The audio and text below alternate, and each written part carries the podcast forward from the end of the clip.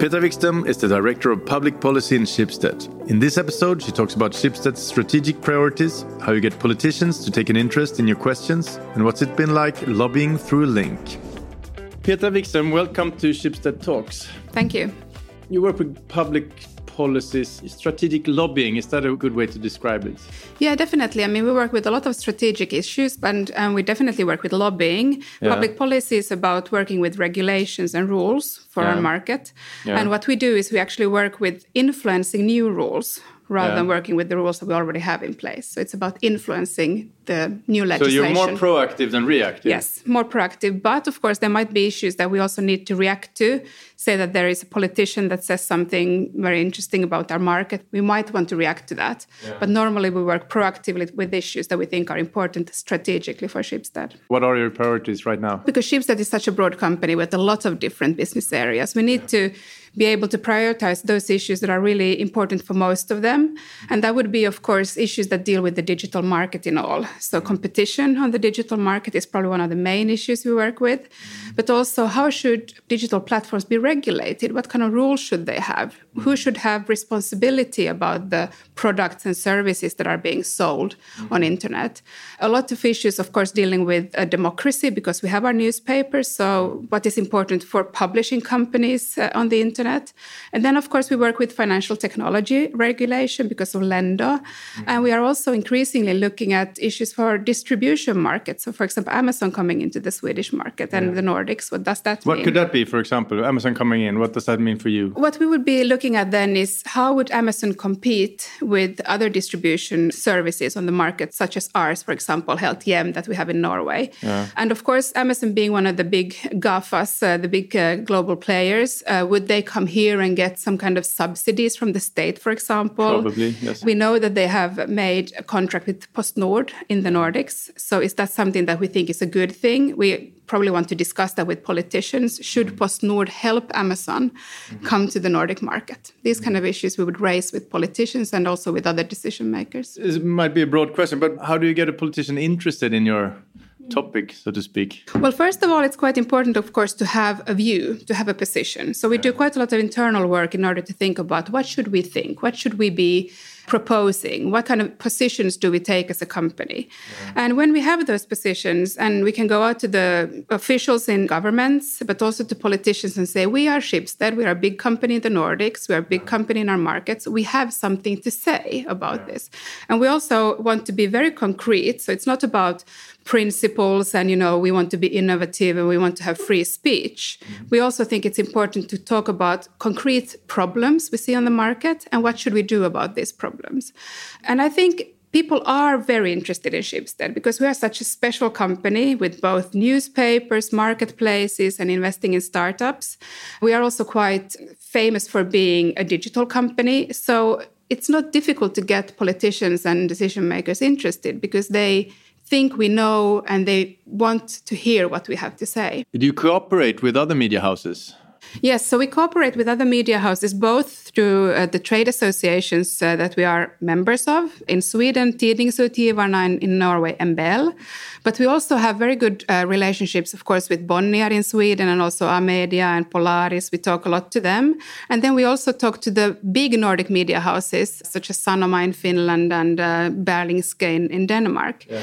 We do this in order to share views, what's going on in our markets, but also to see whether we can work together on some issues yeah. and where we as Schibsted. And are there any specific issues that you work yeah, together with Sanoma? Absolutely. I mean, for example, we might discuss the issue of public broadcasting, which is also another issue, which is not perhaps something that we are working on all the time, but it's a big issue, of course, in all our markets. How do the public broadcasters impact our newspapers? And, uh, you know, we sort of share what's going on in Sweden, what's going on in Finland, and, and see whether we can get some ideas on, you know, how these issues are being sort of dealt with. And another issue is also, you know, what to do with, for example, uh, the issue of disinformation, as I talked about, where yeah. we would be a bit worried about you know freedom of speech being squashed you know by regulators that want to regulate this information. We think that we should all talk to our governments about this. We should all make the point that we need to stand up for freedom of expression and this is something we need all media houses to do. The pandemic i'm guessing a regular year you would be in brussels all the time. Absolutely. How well, many times a month? One to two times a month at least. And lobbying via link then how does that work Well, actually, it's been very interesting because I have never actually had video meetings to Brussels before. And the meetings I would take in Brussels would be both with people at the European Commission, so officials at the Commission, but also with members of the European Parliament, but also with other companies that we work with, so trade associations, for example, and, and other companies that we have close contact with. We work a lot with Spotify, actually, which uh, is very, very active in Brussels. Mm-hmm. At the beginning, I think when the pandemic started. With their public policy organization you okay? Is in Brussels okay. actually. At the beginning in March, our work basically halted for a couple of months because nobody knew what should we do now. I mean, we have always been used to meeting up with people. I mean, public policy work and lobbying is a lot about meeting people, creating networks, creating trust. Wining um, and dining. That's a little bit old fashioned nowadays, I would so say. You don't wine and dine. We don't wine and dine, but we might have a very nice lunch. So it's about really creating a nice sort of contact with important people that are, you know, regulating your sector. But at the same time, it's also very important to stay very responsible and to be having a sort of a, a good relationship and not use it in any way. Mm. So wining and dining is something that we might have done 10 years ago, not anymore. But uh, working on video, I would say, has now really become the norm, which is interesting because at the beginning, as I said, in, in March and April, nobody knew how to do it. And especially at the commission, they were you know, not used to it. They didn't have the tools. They didn't know should we use WebEx or Teams or whatever.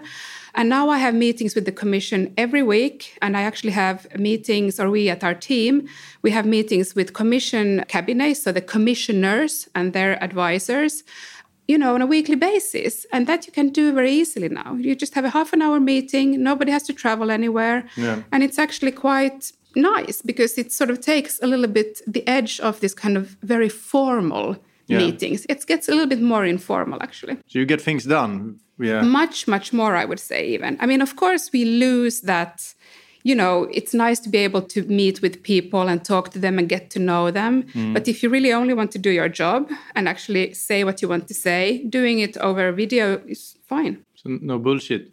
Yeah, it's a little bit like that. I mean, after this is all over, you probably won't be going to Brussels as often then. I don't think so, but I would like to go back because, of course, what I used to do before as well was uh, attending quite a lot of seminars, both as a speaker, which was very nice because we have become quite a big player in Brussels, mm. which means that it takes a bit of time as well to build up relationship to make you known as you know a stakeholder in these uh, issues, mm. and we are a quite known stakeholder in Brussels, especially as a publisher, as a Nordic Nordic publisher mm. because we have been quite active in those uh, issues that are important for publishers.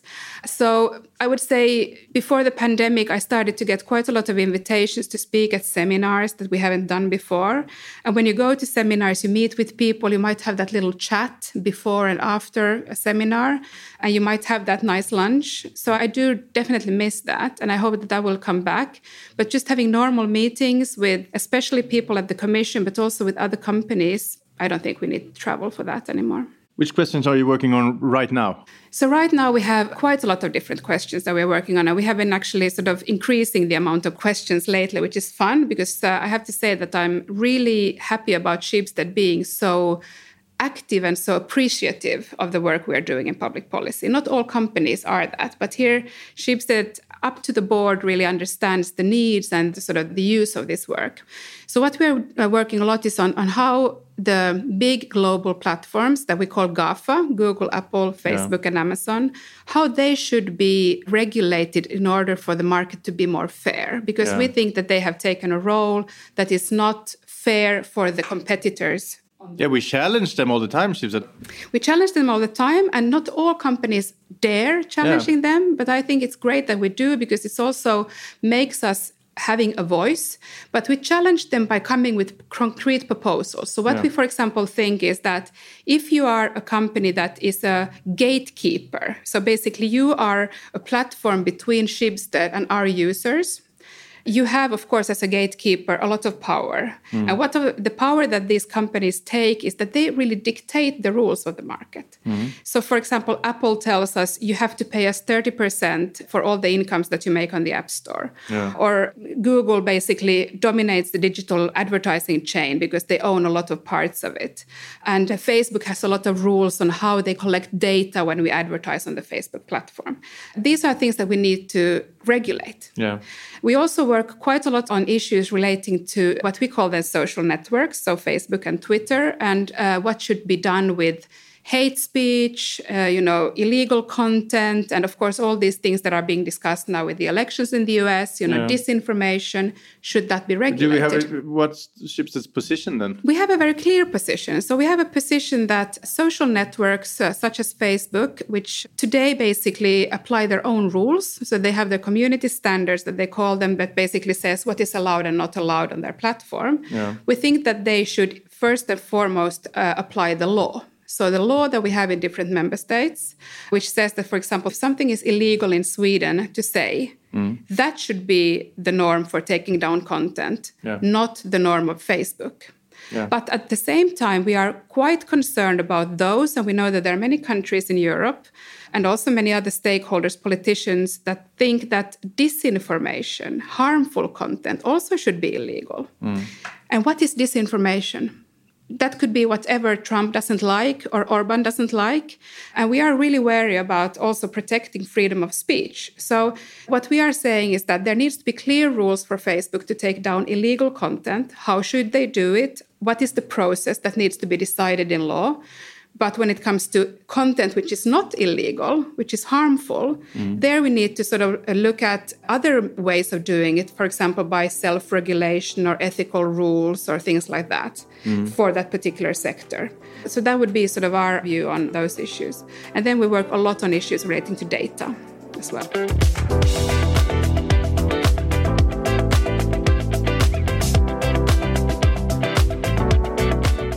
On that note uh, of your moral stance, I have a question for you. When you have an issue like restrictions on gambling advertising, which is clearly harmful for Schibsted finances, but maybe not bad in a broader sense. Which position do you take? Do you necessarily have to think about Schibsted's money, or could you go in a more you know what I mean? It's a very good question. And I think, first and foremost, we have to always remember that advertising is a way of freedom of expression. And advertising is also. Gam- Not when it's guns or if it's. Well, gambling. Gambling is about casinos and, uh, and these kind of things. So it's not really. I mean, gambling advertising is allowed in Sweden. Yes. And the reason why we are working on this issue now is that the government is looking at possibly restricting gambling advertising to make it more difficult or to, you know, sort of uh, ban some of the gambling advertising we have today. Mm. And of course, it is an important issue for Aftonbladet because it's a lot of revenue that they get from gambling advertising. So in that way, we have to take into account the financials of our company, of course. Mm. I mean, we are a company and we need to also make profit. That's just yeah. life. Yeah. But at the same time, when we work on issues like that, we also really try to take into account and talk to the decision makers about it's important that the advertising is responsible. You know, we don't take in any kind of advertising. We also work with our lawyers, of course, and they look at what kind of advertising, how is it formed. Mm. And we also think it's very important that we have a good judicial system that, you know, takes responsibility and enforces the rules in gambling advertising. Mm. But as long as it's legal to advertise, yeah. we think that we should be able to do that. But we also work on a lot of other issues which are not clearly and only about money. I mean, for yeah. example, the issue of social networks and disinformation, that's something which is not something that would, you know, help us financially, but that's more about we want to take responsibility as a player in our societies.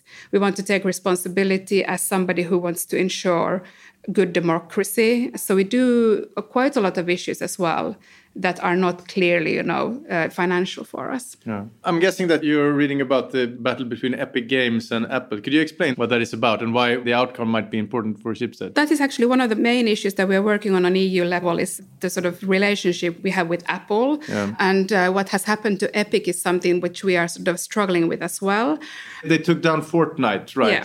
So what has happened with us is that we have Aftonbladet and VG that sell subscriptions, of course, online for their Plus subscriptions subscriptions. Yes. And what Apple has done is that they have basically forced both Aftonbladet and VG to uh, implement Apple's own payment system when we sell something in the app. This is the same that they forced with uh, Fortnite and Epic. Yeah. And uh, if we were not to do this, they would block our apps in the App Store. Yeah. And this is, of course, not in Sweden and Norway, where most people have an iPhone And the App Store is the only way Yeah. to reach our customers and readers through the apps. So we have to have apps for Aftonbladet and VG. And the problem is that we can't do anything about it. Apple is here again as a gatekeeper, as I explained before. They dictate the rules. They say we take 30% of your income. Hmm. But more importantly, what they do is they say we take the customer relationship.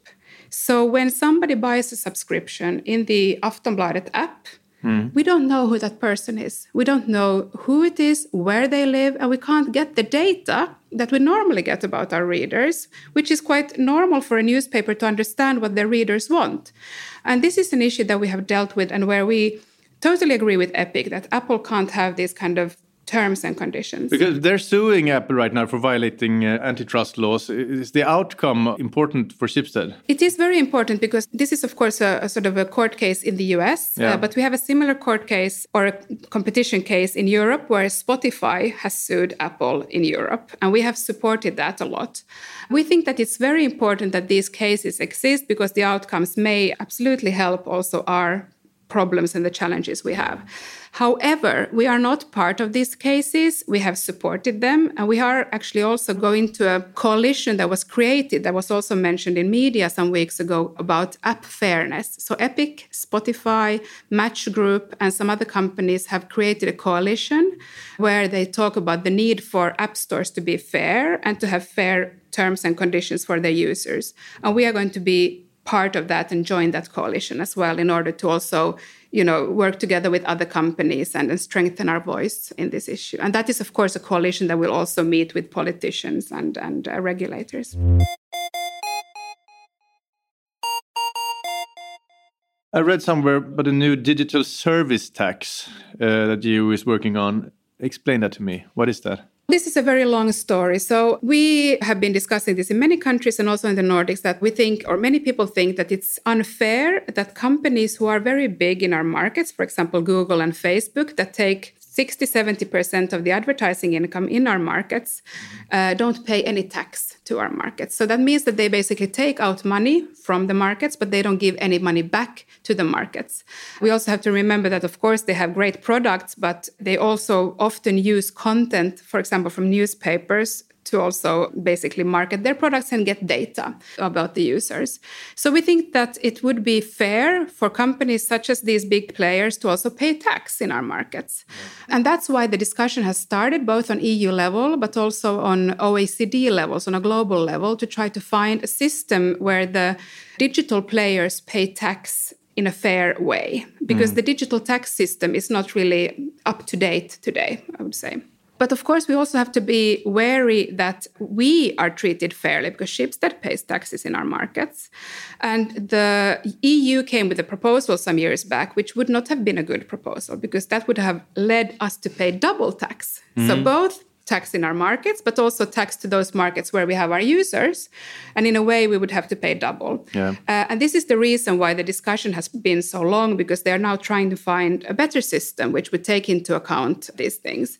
Uh, we know that the European Union would like to have these companies paying tax to EU in order to also finance the EU recovery from COVID-19 because they have actually counted that 1.3 billion euro a year could become you know tax income from these global players so i think it's a very important issue i think it's important to find a good proposal that is uh, fair for those that already pay tax but also that we get new income from these companies You've been working for a lot of different media houses in Scandinavia. What's it like working for Schibsted? I think Schibsted is a great company. Uh, I really enjoy it. I've been working for Bonnier, for example, and uh, especially I've been working for commercial TV for a very long time. And I think what is uh, different for me in Schibsted is really, as I said before, that there is a big understanding for public policy and the work we do, and that we really have a possibility to influence, and that there is really a need to be out there and be active in, in these issues because we really can make a difference. The other thing is, of course, Schibsted as a company being so innovative, having all these different business areas makes it very exciting rather than working with only a few issues. We work from issues relating to Lendo, relating to newspapers, and also relating to circular economy, which is, of course, going to be a big issue going forward with sustainability and, No and so on. So, of course, for my work and my team, I mean, we learn new things every day. And we also want to be bold. We dare to say what we think, which is yeah. not always the case, perhaps, for other media companies. Yeah. Where does that confidence come from? Um, we earn so much money, or I haven't been at Schibsted that long to know exactly, you know, if it's always been like this. But I think that we are a successful company and we have positions and we do quite a lot of work in order to think about what should we do and what should we think. So we put a lot of time on that, which I'm not sure that other companies want to do you know yeah. it takes a lot of time to think about what should we think about data what should we think about social networks it, it takes a lot of time yeah. and also i mean we are working with a lot of media companies and we have just realized that many media companies and other companies don't really have any positions. Yeah. So there is sort of a gap in the market, and we have decided to take that gap. But of course, we work with a lot of other media companies, both in Sweden, in Norway. We work uh, together with many Nordic media companies. We work with other classified players in Europe. Yeah. So we share views. We, of course, try to get them to think as we, you know, and also to talk to the governments and, and you know, get our positions through them. And also, we work in many trade associations. So it's not something we do on our own. We work a lot with other companies as well. After this podcast, you're calling Christine Skogen Lund, our CEO. What are you going to talk about? We meet every month, uh, and I think it's great because she's interested in how the work is going and what we are working with. And actually, today I'm going to talk to her about what kind of achievements we have had so far, because the work we are doing is very, very long term. You know, mm. legislative proposals and the whole sort of process can take up to five years. And we know that the EU issues that we work with will take five years. So it's very difficult to know are we going to be successful or not? Yeah. But at the same time, we see some really interesting achievements already. For example, we had a meeting with the Swedish Minister of Digitalization a few weeks back with uh, Anders Ygeman. And what he said to us was, Well, I've heard about your positions. Everybody in the government talks about them. That's great. That's great. We also know that uh, the Social Democrats in the parliament have written a motion, basically a text where they call for regulation of social networks, exactly according to what we have written in our positions and in our report that they we copy pasted or, or, yes, That's they good. did. And also we have had and will have meetings with the key commissioners, advisors in these coming weeks, and also with the digital advisor of Commission President Ursula von der Leyen, which I oh. think is quite nice. So we get very high level meetings now, and I think that's it. That's also an achievement showing that we really have an impact. So that I will tell her today. Great. Thank you so much for being on the podcast. Thank you. This podcast is brought to you by Schibsted Employee Branding Team. My name is Hugo Renberg and producer was Jens Back.